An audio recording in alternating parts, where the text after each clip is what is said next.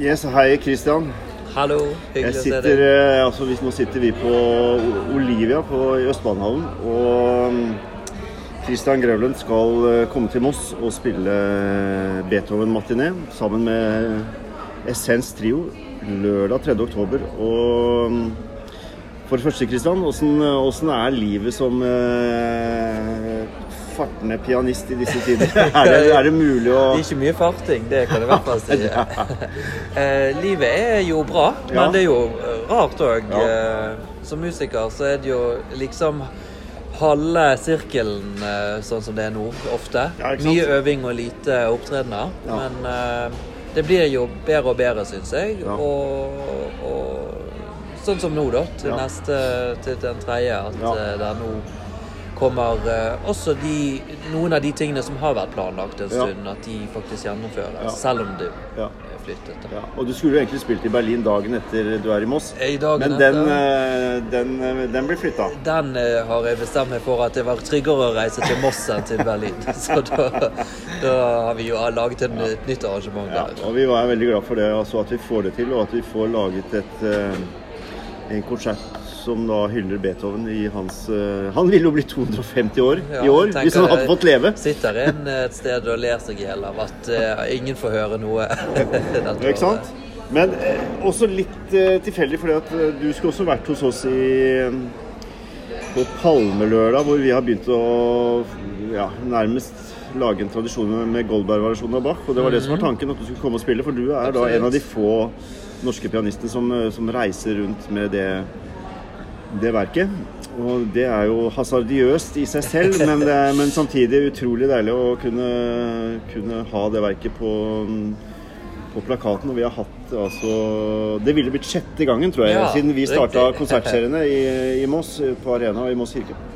Eh, men så var du faktisk litt sånn litt før koronaen kom, at du eh, kanskje heller ville spille Beethoven, egentlig. Ja, jeg var liksom kommet inn i Beethoven-sporet, da, kan Ja. du si. Og de er jo forbundet med hverandre, på, Ja. på godt Ja. og vondt. Men, men eh, det var et eller annet som skjedde, så tenkte jeg ja, men det er for, for gale i Beethoven-året, og ikke Og selvfølgelig eh, så kom koronaen oppå det, og da ble det enda mer eh, Ja. Og så måtte vi flytte på det, som alt annet eh, etter eh, 12. mars, eller hva når det var. Alt ble flyttet, og vi hadde allerede en dato for de Essens Trio, som eh, har vært hos oss eh, Faktisk har også spilt Goldberg-versjonene. Ja, riktig. I eh, det der stryketrio-arrangementet, som er eh, faktisk veldig, veldig fint. Kjempeflott. Veldig, veldig gøy, og ble en utrolig fin konsert. Også SS Trio er jo kremstrykere. Det er jo Absolutt. det er jo to tredjedeler av Grieg Trio Ja. og en fjerdedel av Vertavo-kvartetten, i hvert fall tidligere. Mhm. Så, så det å få kobla noen av klaversonatene til Beethoven med, med musikk som ikke veldig mange har hørt, altså trioer og en serenade for trio, så det, det blir veldig spennende. Men bare det forholdet mellom jeg vet ikke hvor opptatt, du, hvor opptatt du er av det, men altså Beethoven var jo en enorm fan av, eh, av Bach. Og jeg har jo lest i brevene hans sant? han var ekstremt opptatt av at Bachs musikk måtte gis ut. Han har jobba fælt med at man måtte liksom skaffe penger og midler for at denne musikken skulle til Bach skulle komme ut. Og han kalte det 'The God of Harmony' på, i, i engelsk eh, versjon. Men, um, men hvor mye Du som har spilt så mye Bach, da, hvor mye uh, altså Finner du igjen noe Bach hos Beethoven, i og med at han var en sånn stor beundrer? Er Det det er jo opplagte musikalske forbindinger Ja. mellom Bachs musikk og, og Beethovens, men det jeg opplever aller mest, er kanskje noe av det som også er mest rørende med Beethoven, forsøket på å få noe av Bach inn i musikken sin. Ja. Det intense altså Som i, i de store fugene i sonatene, eller som Mm. i, i fugene i, i, i, eh, strykekvartettene. Der Bach var en total mester og gjorde alt med en naturlig enkelhet og en krystallklar logikk, er alltid Beethoven Der er det menneskelige forsøket på å gjøre det. Og der er ingenting enkelt ved det. og det er ingenting Så det forsterker altså den, den det barske elementet, det kontrapunktiske elementet i Beethovens musikk, forsterker hans menneskelighet. Ja.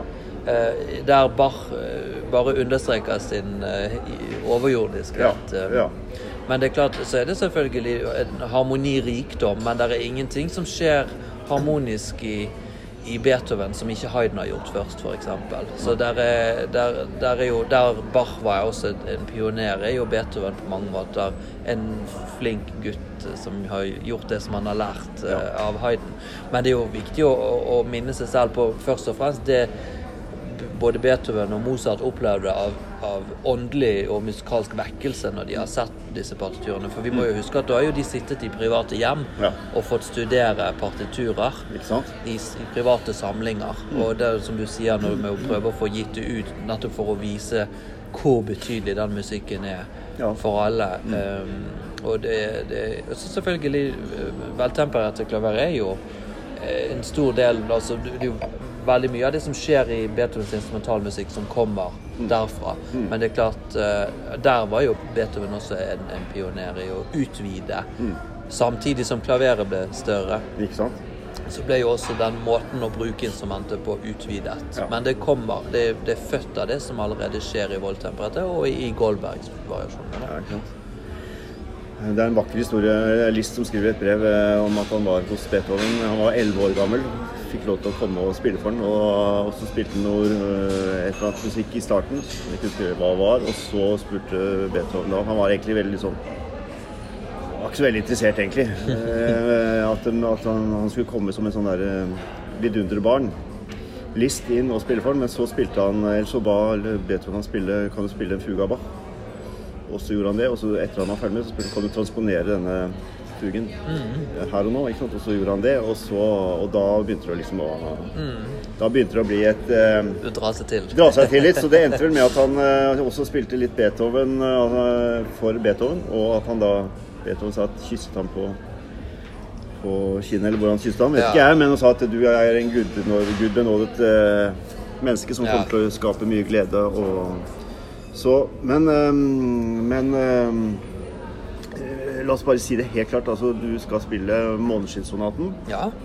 Og den, eh, den er vel kanskje, kanskje den mest kjente klaversonaten. Oh, ja, det tror jeg vi må kunne si. Og, og, og klaverstykket over hodet, Ja, nesten. Den første ja, satsen. Altså, eh, kanskje bortsett fra til Elise. Sånn, så må det være Det er to, to til Beethoven.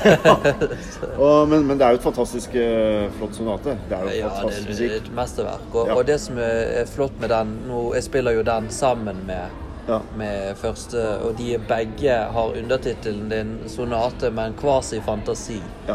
Så det er noe, noe av den romantiske, frihets, eh, improvisatoriske atmosfæren i begge sonatene. Ja.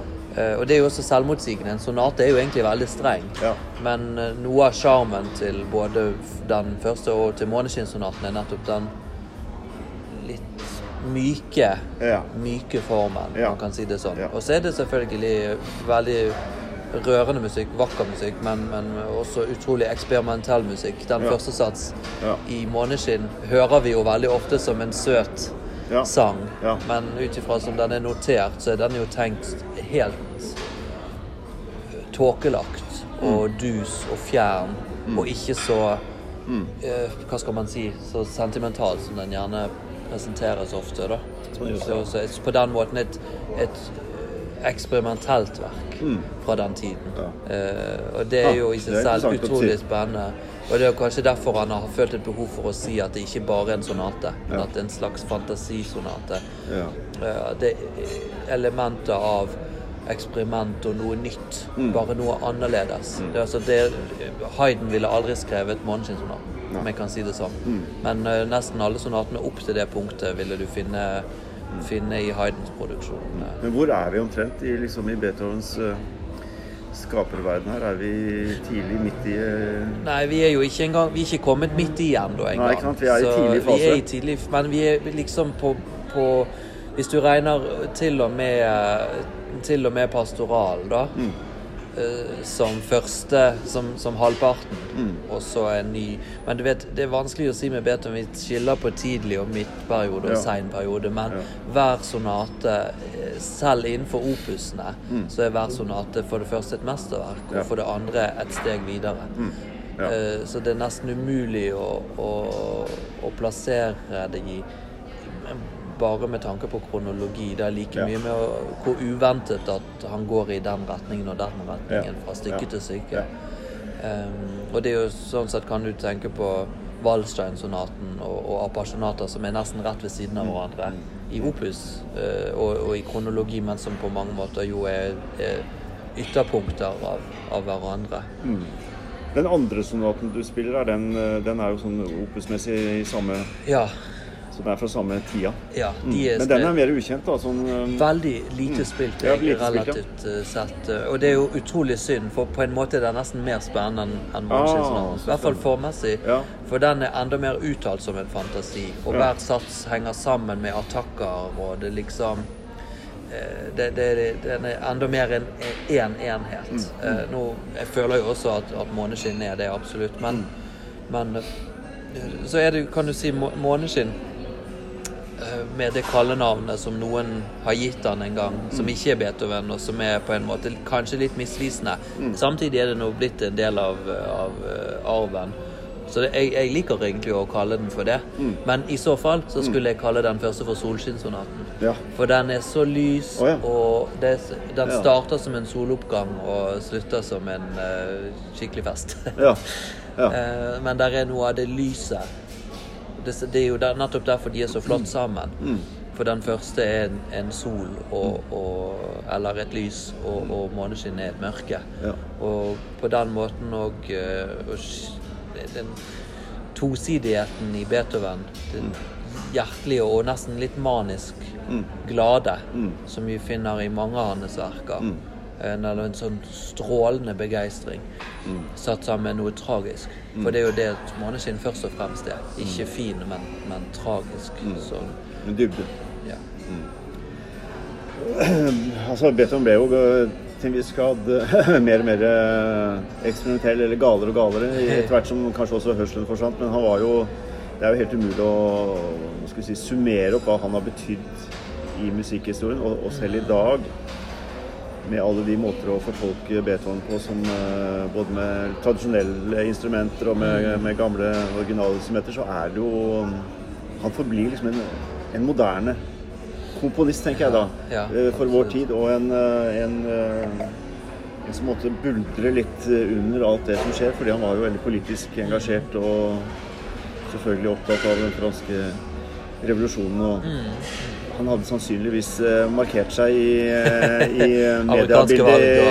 Ja, det amerikanske valget. Ja, det amerikanske valget. men han hadde helt sikkert uh, hatt noen grimaser, tenker jeg. Ja. Um, men du, du kom jo Jeg har lyst til å For jeg fant den setningen, for den var jo vakker her, syns jeg. Eh, han hadde jo en veldig selvbevissthet òg, da. Som, han var liksom den første? Man sier jo det. Han var den første frie kunstner som eh, levde uten å være ansatt av fyrster og, Ja. og kirka osv. Men han eh, sa Jeg tror han sa dette helt på slutten. altså jeg lukker mine øyne med den velsignede visshet at jeg har etterlatt meg en lysstråle på jorden. Ja. Og det er veldig vakkert eh, sagt, så han har jo hatt en enorm bevissthet på at hans musikk ikke bare var for den tiden han levde i. Mange har vært veldig bruksmusikere, altså f.eks. Bach. da. Om han har tenkt på samme måte at hans musikk kommer til å vare, er eh, liksom vanskelig å vite, egentlig. Men, eh, men for han skrev det veldig som bruksmusikk. Men Beethoven har nok skjønt at han har levert en, en arv da, som skal eh, leve videre. Tror du ikke det? Jo, det tror, jeg, det tror jeg du har rett i. Og så tror jeg jo det er en endring i, i strømningen i tiden. Det er jo derfor også han er far til romantikken, som dyrker nettopp individet og det subjektive. Og på den måten er jo det der jeg opplever han først og fremst som en foregangsfigur. At han er den første det første individet som skal si noe Ja. for seg selv. For det er jo det som er med Beethovens musikk. Han har jo en voldsom ut, et voldsom trang til å uttrykke seg om hvordan han ser på alt mulig. Mens barsmusikk, for f.eks. jo egentlig bare er en måte å feire sin tro på. Ja. Eh, og dermed også har en helt annen type universell appell. Men begge deler er like viktige. Begge deler og begge deler lever i beste velgående. I beste velgående. Det- Men det er klart at, at Beethoven eh, Og det er jo derfor han har endt opp som en sånn eh, eh, som, At han står liksom og ruver over alle de andre, er jo nettopp i den menneskeligheten at han som individ har noe på hjertet og må meddele det. Og koste hva det koste vil, så skal det ut. Ja. Uh, og derfor selvfølgelig en kolossal inspirasjon for alle andre som har et uttrykksbehov. Ja. Uh, og så da samtidig en, en intellektuell og, og emosjonell kapasitet og rikdom Ja. til å Alt i orden. Til å, å, å samtidig da skrive musikk som er så øh, gjennomarbeidet og god, om jeg kan si det sånn. Det er ikke dekkende ord. Nei, den er bare, men, øhm, den er bare så fullkomment skapt. Menneskeskapt, om jeg kan si det sånn. Ja.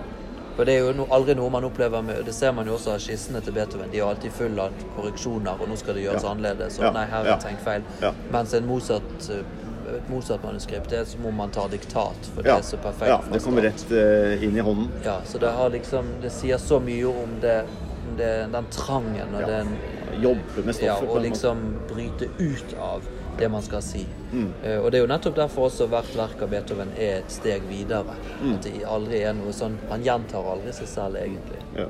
Nei. Det er en annen tekst her som, som har noe med lysene å gjøre. Det var, jeg fant det, Mona Levin som har skrevet om deg. Å ja. Den siste i en lysende rad av norske klaverfenomener. ja. Eh, og du har jo spilt eh, overalt og, og er liksom i full fart eh, med din karriere. Også, men så bare lurer jeg på med Beethoven, om det er en sånn Er det noe som ligger underbevisst? Er det en sånn timing i forhold til liksom når, når begynner man å spille? Oi. Beethoven for alvor må jo sikkert begynne å spille med samme han eh, spiller piano, men eh, for du begynte tidlig da, tror jeg? Ja, det er helt riktig. Og jeg har vært gjennom mine til Elisa og jeg, sånn som alle andre. Men, men eh, jeg tror det som er viktig, det er litt delt det der. For det er klart Med all musikk så skal man skal det være en gjenklang i det. ikke sant? At musikken at den hører sammen med den du er. Eh, Og det som er flott med Beethovens musikk, er at det er eh, musikk for alle livets faser, på en måte. Og det opplever jeg vel kanskje akkurat nå, at selv om Beethoven ikke nødvendigvis er den komponisten jeg ville gå først til, så opplever jeg at spesielt disse to sonatene her som jeg presenterer Ja. hos dere, er på et sted som jeg kjenner meg igjen i, uten at jeg kan sette noe mer ord på det. Så er det en gjenklang i meg nå. Eh, I nettopp de stykkene. Og det må jeg si snakker jeg av erfaring, for jeg har jo spilt mange av de steinesonatene hans Ja, ja. uten å ha den type resonans. Mm. Og selvfølgelig, jeg, kan, jeg elsker min favorittsonat av alle Beethoven-sonatene, Opus 101. Og den har jeg spilt ganske mye. Men jeg må si at selv om jeg elsker den Jeg, jeg liker den bedre enn jeg forstår den. Om jeg kan si det sånn. Eh, og, og, og nå er det kanskje går de tingene litt mer hånd i hånd. Og jo eldre jeg blir, jo mer tillater jeg meg sjøl å ikke forstå og vite alt. Ja. Og, og føle alt akkurat nå. Og derfor prøver jeg å lytte til mine instinkter eh, i, i konkret i dialog med Beethovens musikk, og prøve å, å se nettopp hvor eh, i, hans, eh, i hans produksjon befinner jeg meg nå.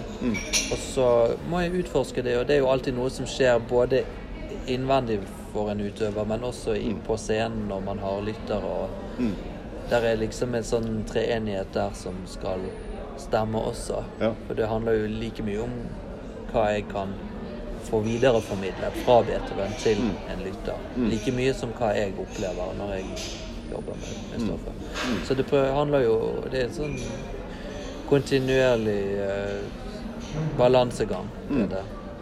Er det en eh, slags sånn tyngde eller belastning å gå inn i en, eh, si, inn i en eh, fortolkertradisjon da, med så mange store fortolkere som har, som, si, har definert Beethoven, men de har gjort det på veldig mange ulike måter? Eller er det primært en inspirasjon å, å ha så mange å, hva skal si, å lytte seg inn i stoffet til? Eller, eller prøver du å holde det unna i, sånn, i et arbeid når du skal begynne å Det er jo alltid en, alltid en eh, Jeg blir jo alltid inspirert av å høre utøvere som gjør det veldig forskjellig.